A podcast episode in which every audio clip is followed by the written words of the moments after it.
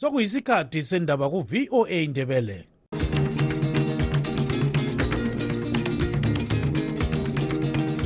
amatshono zihlobo siyalamukela kuhlelo lwethu lwezindaba eziphathelane lezimbabwe kustudio 7 eya voice of america sisakaza sisewashington dc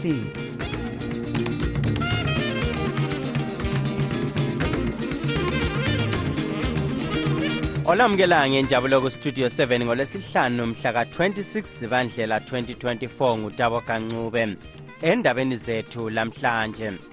Lami sengenze isinqumo sokuthi ngizomlandela njengomkhokheli wami. Angiseyi lunga le-triple c. Lokhu bedidekile abantu bezimbabwe ngenyathelo elithethwe ngumnumzana nelson chamisa elokuchiya isikhundla sokukhokhela ibandla eliphikisayo ele-citizens coalition for change. The task now ends with those we have to implement because budget is now available. umongameli emerson mnangagwa uhlangane lezinduna zemathebeleleni north le-south kobulawayo namuhla belungiselela ukusungula imihlangano yokuzama ukulungisisa udaba lwegugurawundi umthethandaba owe-international court of justice namuhla unqume ukuthi ele-israel kumele lithathe amanyathelo aqinileyo awokwenqabela umbhuqazwe wokubulawa mahlana kwabantu egaza. Zonke lezi ndaba lezinye lizozizwa kulo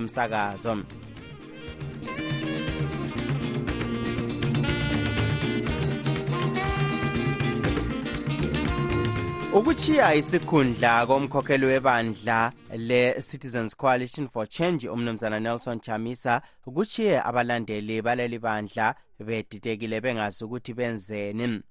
Amanye amalunga edele lephalamende lamakhansila aleli bandla bathi bayalandela uchamisa lapho ayakhona kubika intethelizindaba yestudio 7 uezra chisasibanda uchamisa utshiye ibandla leli izolo esithi selihluthunela ibandla le-zanup f. Njalo uthi lisebenzise umnumzana sengezo chabangu othi ungunobhala jikelele we-triple c ukulibhidliza.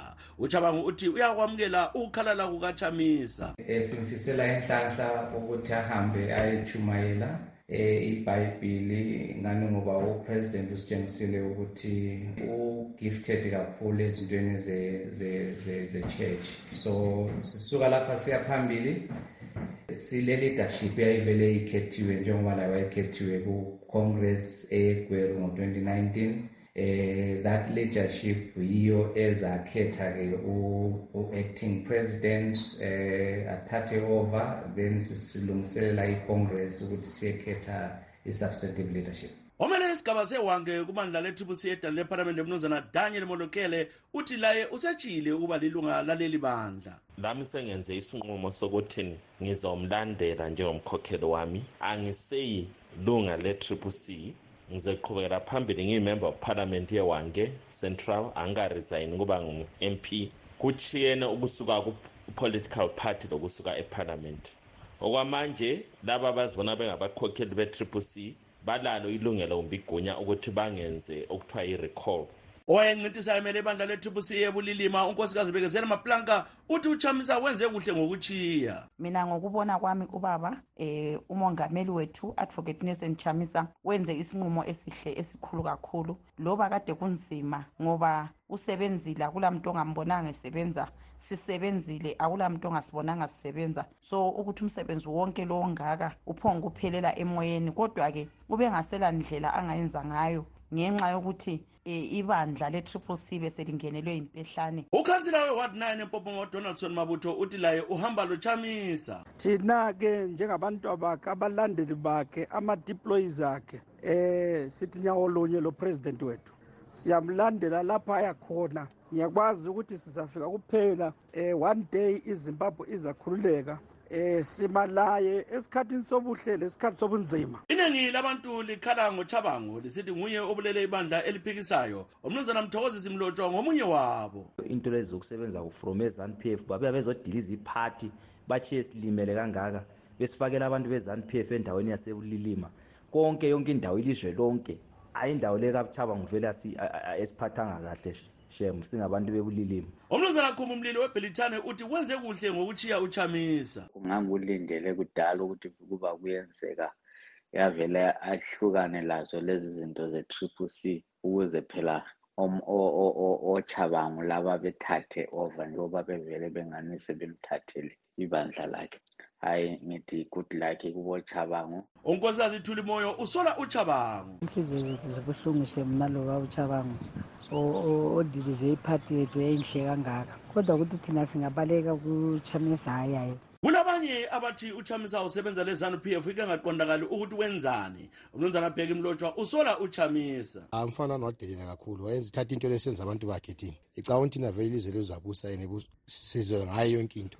Khathi singakwazi ukuthi vele ungaphansi kwezanu isenzo zakhe lezezanu lezi wayesetshenziswa izanu imali yonke liphuma kuzanu ingcethu ezicubungula ezombusazwe zithi azethuswa linyathela likachamisa ngoba kungasikho kwakuqala ukuthi enze njalo. Engabona seziminya uthatha elinye inyathelo.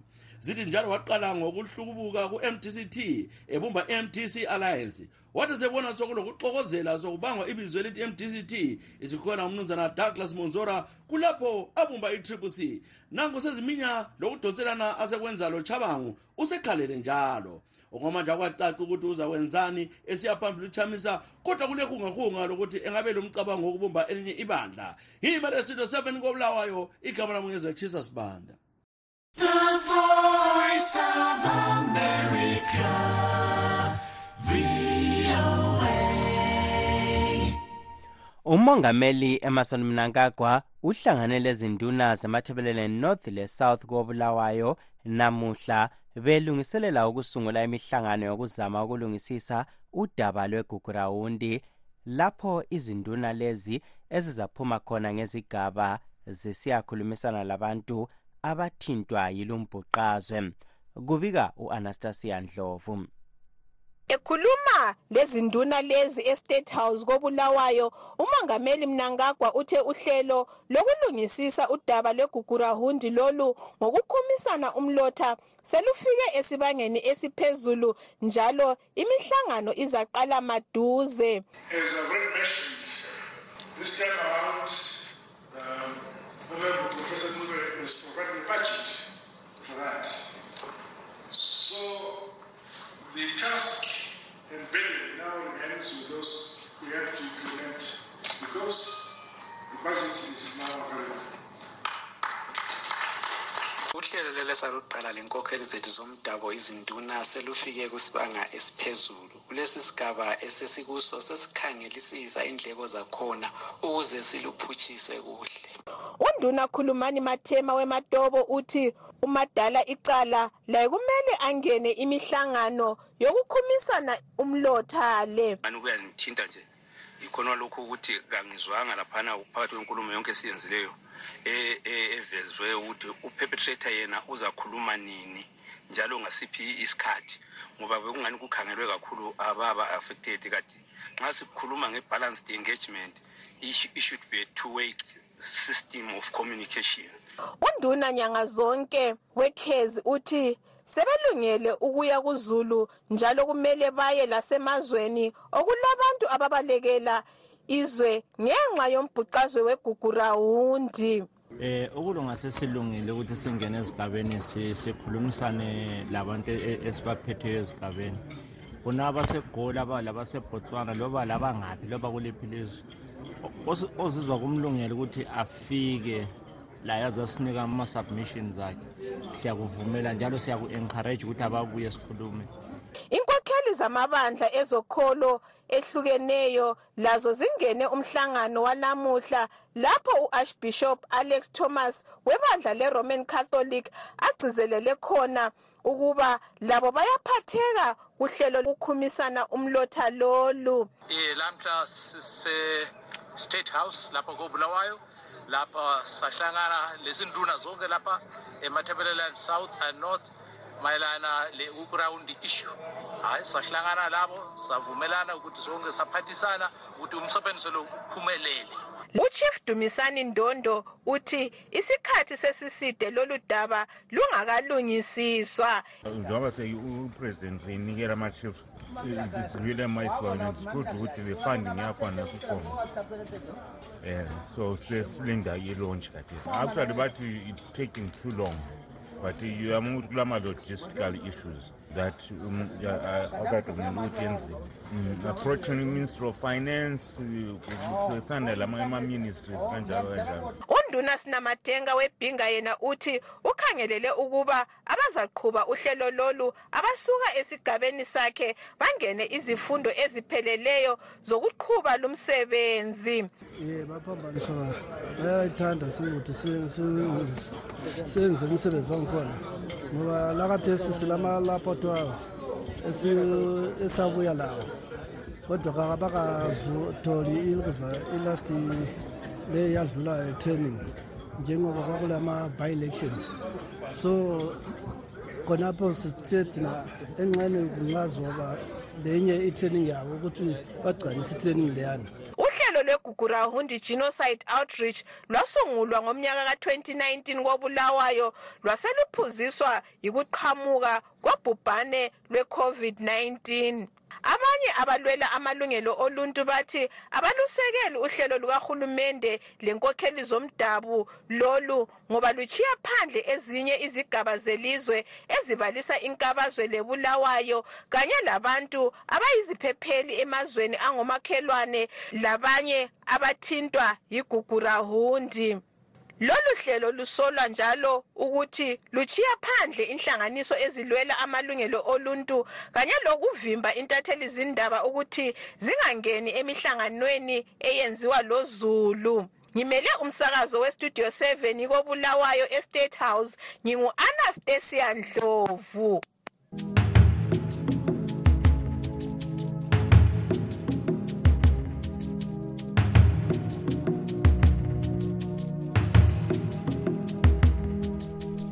Umongameli welizwe umnumzana emerson nangagwa usekhethe njalo ujustice priscilla chigumba ukuthi aqhubekele phambili ekhokhela ikomishini ebona ngokuqhutshwa kokhetho ezimbabwe electoral commission okweminyaka eyisithupha. Ujustice chigumba wakhokhela ukuqhutshwa kokhetho lomnyaka ka-2018 kanye lolomnyaka ka-2023 inhlanganiso ezithi sadic au le-eu zaphuma egcekeni inyakenye zisithi ukhetho aluqhutshwanga kuhle ezimbabwe. Ukukhethwa kwakhe lokhu kutsho ukuthi nguye ozakhokhela ukuqhutshwa kokhetho lomnyaka ka-2028 ukuhlaziya lolu daba sixoxa lolandela ezombusazwe njalo ekhokhela inhlanganiso ye-coalition for market and liberal solutions umnumzana rejoyce ngwenya. Um lokho kuyisihluku kakhulu inkinga ngoba nguye la umama owathiwa khona yisadek wehluleka umsebenzi ngo-twenty twenty three um ama-complaints akhona ayaqondane naye yena njengophathi sihlalo kwezek um ngibona ngathi ngaye kuthiwa khona um amalunga ephalamenti aphikisayo akhona um ebezaphikisa ukuthi hatshi icontract nomama lo ingengezwa ngoba wehluleka umsebenzi akwazi umsebenzi uyasekele izanu p f kuphinde akumanga kuhle um indaba lokhetho lapha ezimbabwe. Ujustice chigumba wakhokhela ukhetho luka-2018 loluka-2023 kulukhetho okubikwa lungaqhutshwanga kuhle. Ukukhokhela kwakhe ukhetho luka-2028 kutshoni kumbuso wentando kazulu ezimbabwe. Kutsho ukuthi lokhu kutsho ukuthi khona daba ukuthi ukhetho lwezimbabwe alusize luvele um lube yinto ethandwayo ngabantu bezimbabwe. Kuzahlala kule nkinga yokuphikisana um kuzahlala kule kule nkulumo zokuthi usigumba usekela ilo hlangothi alusekelayo. Yikho bengithi mina ngayi kuthiwa khona kulamalunga ephalamenti aphikisayo akwazi umsebenzi. Bahle bafake kathesi bahle bafake ibill eyokuthi hatshi siyaphikisa ukuthi isigumba abe ngu-chairperson oyizek kutsho ukuthi vele ukuzibuse wethu izahlala esedakeni kungahambi kahle. Kulo kungenziwa na eh ukuze kulungisiswe udubo lolo? Um ngibona ngathi iselo sombuso owethu thina owezimbabwe sezimbabwe iyakhuluma ukuthi nxa um izizalwane izakhamizi kumbe um uzulu engathithisekanga um ngokufaka umsebenzi kwe-public officer um kuyakwanisa ukuthi abantu bayenze i-petition kuphalamenti bekhuluma izizathu akhona okokuqala okwesibili um uzulu yakwanisa abe le-class action yokuhamba ku-supreme court aye-opposa i-appointment kakhomishina. Um kule ndlela eziningi kakhulu. Um ama-demonstrations asoze siwenze ngoba thina siphucukile. Kodwa imithethantwaba imithethantwaba kumbe um iphalamenti i-petition um singatshengisa okungasiseki kwethu um nge-appointment leyo lo ube ngumnumzana rejoyce ngwenya olandela ezombusazwe njalo ekhokhela inhlanganiso ye-coalition for market and liberal solutions ekhuluma le-studio 7 ecingweni eseharare ngesikhathi senguquko kungacaci kahle okwenzakala emhlabeni. Esikuzwayo kungayisikho esikubonayo sidinga iqiniso. Sitshelwa izindaba ezingaphelelanga silahlekelwe liqiniso. Ngesikhathi sohlupho amaphupho ethu ithemba lezifiso zekusasa enhle kwenzakala uma abezindaba bekhululekile. Kumsakazo we-voice of america silethulela izindaba ezitholwa ngokuzinikela okuphezulu. Sixhumanisa abantu ngokubethulela iqiniso. Kumsakazo we-voice of america silethulela okwenzakalayo njengoba kunjalo. Umthethwandaba wamazwe omhlaba owe-international court of justice namuhla unqume ukuthi i-israel kumele ithathe amanyathelo aqinileyo awokwenqabela umbhuqazwe wokubulawa mahlayana kwabantu libutho laleli lizwe esihlengeni segaza lapho elilisona khona leqembu lehamas. I-israel imangalelwe nguhulumende wakwele south africa yena owacela inkantolo ye-united nations le ukuthi imise ukuhlasela kwe-israel egaza. Isinqumo sanamuhla samukele ngenjabulo ngabaningi emhlabeni jikelele okugoqela izizalwane zezimbabwe lezakwele south africa. Kubika uthuso khumalo.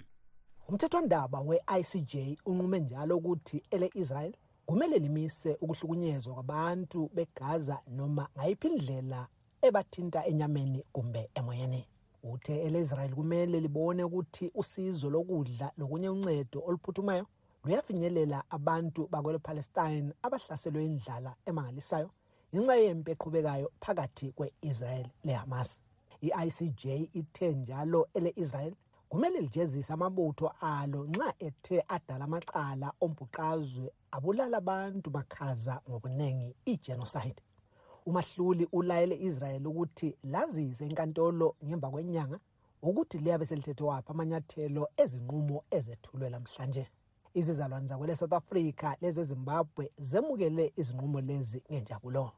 Nangu umgcinihlalo wenhlanganiso yezimbabwe community in south africa umnumzana nqabuthuma bhena. Sitshayela ihlombe i-south africa ngokuthi ihambise uhulumeni wase-israel enkantolo enkulu eyomhlaba izinto ezaphakanyiswa um nguhulumende we-south africa um inkantolo enkulu yomhlaba ivumelane lazo abanye bathi kuyadingeka impela ukuthi ele-israyeli livinjwe inkantolo yomhlaba ukuqhubekela phambili lihlasela igaza ngoba ukwekelwa kwezenzo ezinjalo kuyikho okwabangela ukufa kwezinkulungwane zabantu ezimbabwe ezigabeni zamathebeleland lasemidland ngesikhathi sombhuqazwe wegugurawundi esinye isizalwane sezimbabwe njalo intatheli umxolisi ncube uthi loba nje izimbabwe ibhekane lezayo inhlupho kufanele abantu bakujabulele ukuphepha kwabanye. Into eyenzakala lapho kufanele ukuthi lathi singamazimbabwens lanxa siphakathi kwenkinga engakanani kwezombusazwe sizwelane labantu basepalestine ngoba kuyafiwa and kufa kakhulu abantu abangasimasotsha ababizwa ngesilungu kuthiwe ngama-civilians. Befela into abangayithandiyo bona angicabangi ukuthi abantu basepalestine bonke bayayithanda um ihamas. Esinye njalo isizalwane sezimbabwe sihlala kwele south africa umnumzana davison mbambo laye uthi basemukela ngezandla zombili lesi sinqumo ngoba sivikela impilo zabantu. Kuzasinceda. Kuzoyenza nje ukuthi abantu be-israyeli bame nje ukubulala abantu. Kuzosiza futhi ukuthi abantu basepalestine uh, bangalambi ngoba uyabona nje imbi le ukuhlaselwa kwabantu basepalestine bekuphambanisa yonke into. Abantu bayagula abantu bayalamba abantu bayafa. So mina ngiyajabula kakhulu ngoba konke lokhu kuzoma. Umgcinisihlalo wenhlanganiso ye-jewish board of deputies unkosikazi karen milner uthi lo banje bengavumelani le ndlela isouth africa ephathe ngayo lolu daba?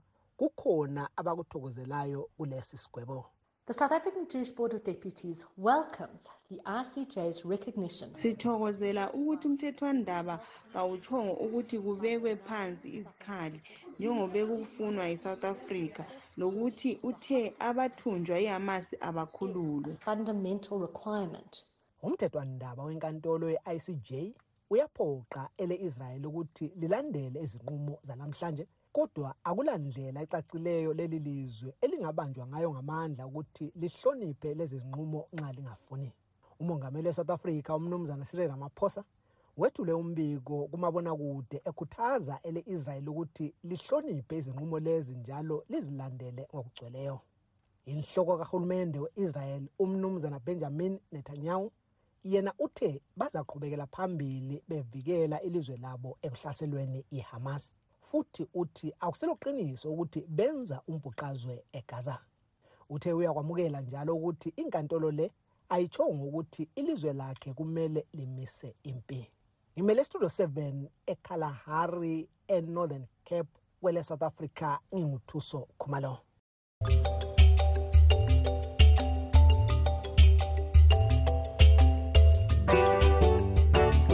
Okwakhathesi ke sizwe imibono yabalaleli. Studio 7 siyabingelela eh yazi yonke into esesenziwa izanu manje sisegcikeni njenge njengengemuva yembuzi. Eh sibona umhlaba wonke. Uzihambi zihambi lezanu bafuna ukuthatha imali ye-TPC beyinikeze uchabango eh uchuma lento ayikhulumayo uyaphupha emini langatshisa ukuthi yena kade ezowina kulo osterosis. Bakhiphe i-osterosis ngoba befuna ukumfaka yena njengomuntu lwana ofakwayo nje. Uyangeniswa ngebackdoor ngoba sebehlulekile ukungena kobulawayo. Nxa ukuthi laba abantu abasabafuni sebexotshwa sebe abasafuneki sebefana lezintsha nje ezinukela abantu. Uchabango wenza ifraud. Ifraud ayenza ibonwa ngumhlaba wonke. Amakhoti ayamfeva. Ngento esegcikeni nje ebonakalayo ukuthi kwenziwa ifraud. Um le nto iyaqala nje ukwenzeka emhlabeni wonke lo jikelele ukuthi amakhoti ayenza ifraud ebonwa ngumhlaba wonke igcikeni nje. Kodwa-ke ngicabanga ukuthi um inkungu kuthiwa ungayizikhala kakhulu sizodabuka abadala batsho njalo. Njalo ayikho iyaphapha yangahlali. Ngiyabonga ngumasenga lapho kobulawa iphumule emadonkeni malaka inkomo. Ekhuluma okay studio seven linjani linjani ngikhuluma lo mncedisi chuma malaka inkomo yekela ukuba lamanga uhulumende okhona uncedisa ngaphela izweni nguye vele uyezidulwa liwe uncedisa kukuphi akancedisi ndawo nguye vele lobulalayo ungathi benzela bahlamukela uhulumende. Yini ayenza uhulumende wakho nje idollar lingaphi malaka inkomo ukhulile ngumuntu omdala afunda ukukhuluma iqiniso. Wayelithanda ukugogosa into likwazi into erongo yiphi? Ngabe kanti ikokuzani ngabe liyatsho ukuthi uhulumende uwisa idollar athi ngoba likuzani lisapotana ezani liqamte ezilamanga vele nguyoluwisa idollar kenziluni malaka inkomo ufunda ukukhuluma iqiniso umuntu omdala okhulileyo awubekho ukhuluma into zamanga lapha linjani bathakazi abahle nonke ngezindawo? Asiboneni-ke ukuthi ujob sikhala uzokhitshwa eh, ejele nge-free bail nakhona. If uma kungaba khona ukuthi abuyele entolongweni ona lawo majaji amgwebayo lawo majaji amgwebayo kumele ukuthi nabo sibavulele icase. Ngoba siyabona ukuthi amajaji wonke lapha emakhoti asebenza uhlangothi olu- olu- olulodwa. Laba bekungabalaleli bestudio 7 besipha imibono yabo.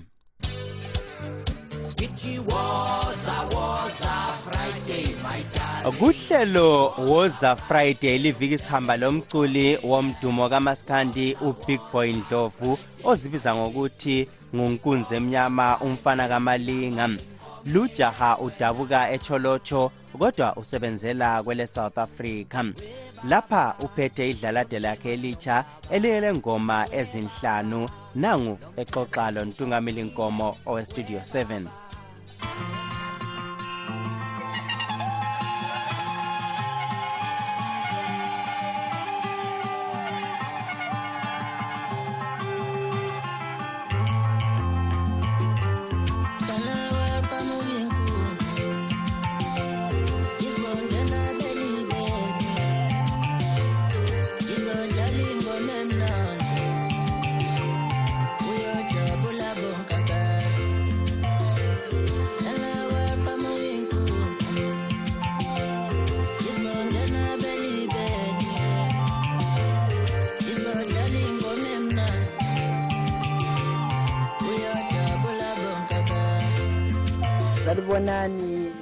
bantu bakithi ngiphuma etholojo ephelandaba ngikhulele khona lapha ephelandaba um kanti-ke ngingumfana-ke oqale manje nje ukucula kulo nyaka esiphuma kuwo u-2023 ngiqala nje ukucula ngiqale nge-ep kuyi-ep emnandi kakhulu ke leyo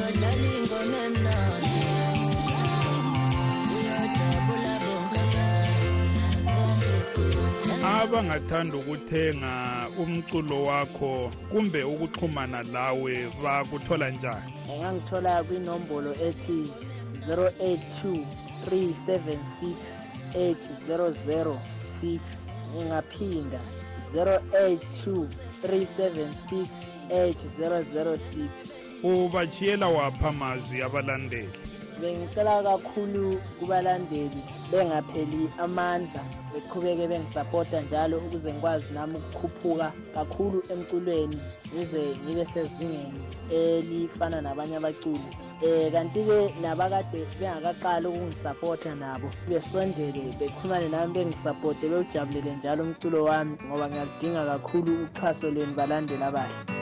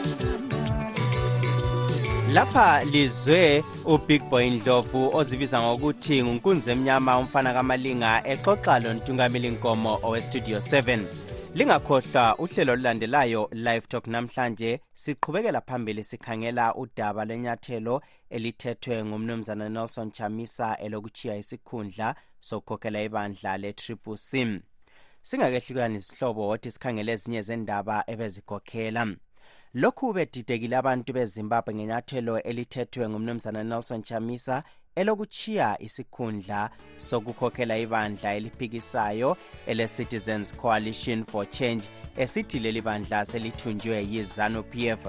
Silugqiba-ke lapha uhlelo lwethu lanamhlanje oluvalelisayo ngudabo kancube lisale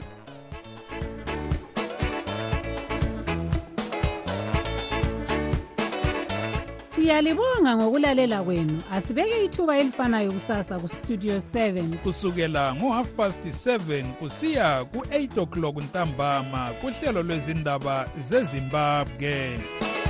Tinotenda nekuteerera chirongwa chedu. Teererai zvakare mangwana kubva na7 p m kusvika na730 p m. Apo tinokupai nhau muririmi rweshona. Lilani. Murara zvakanaka mhuri yezimbabwe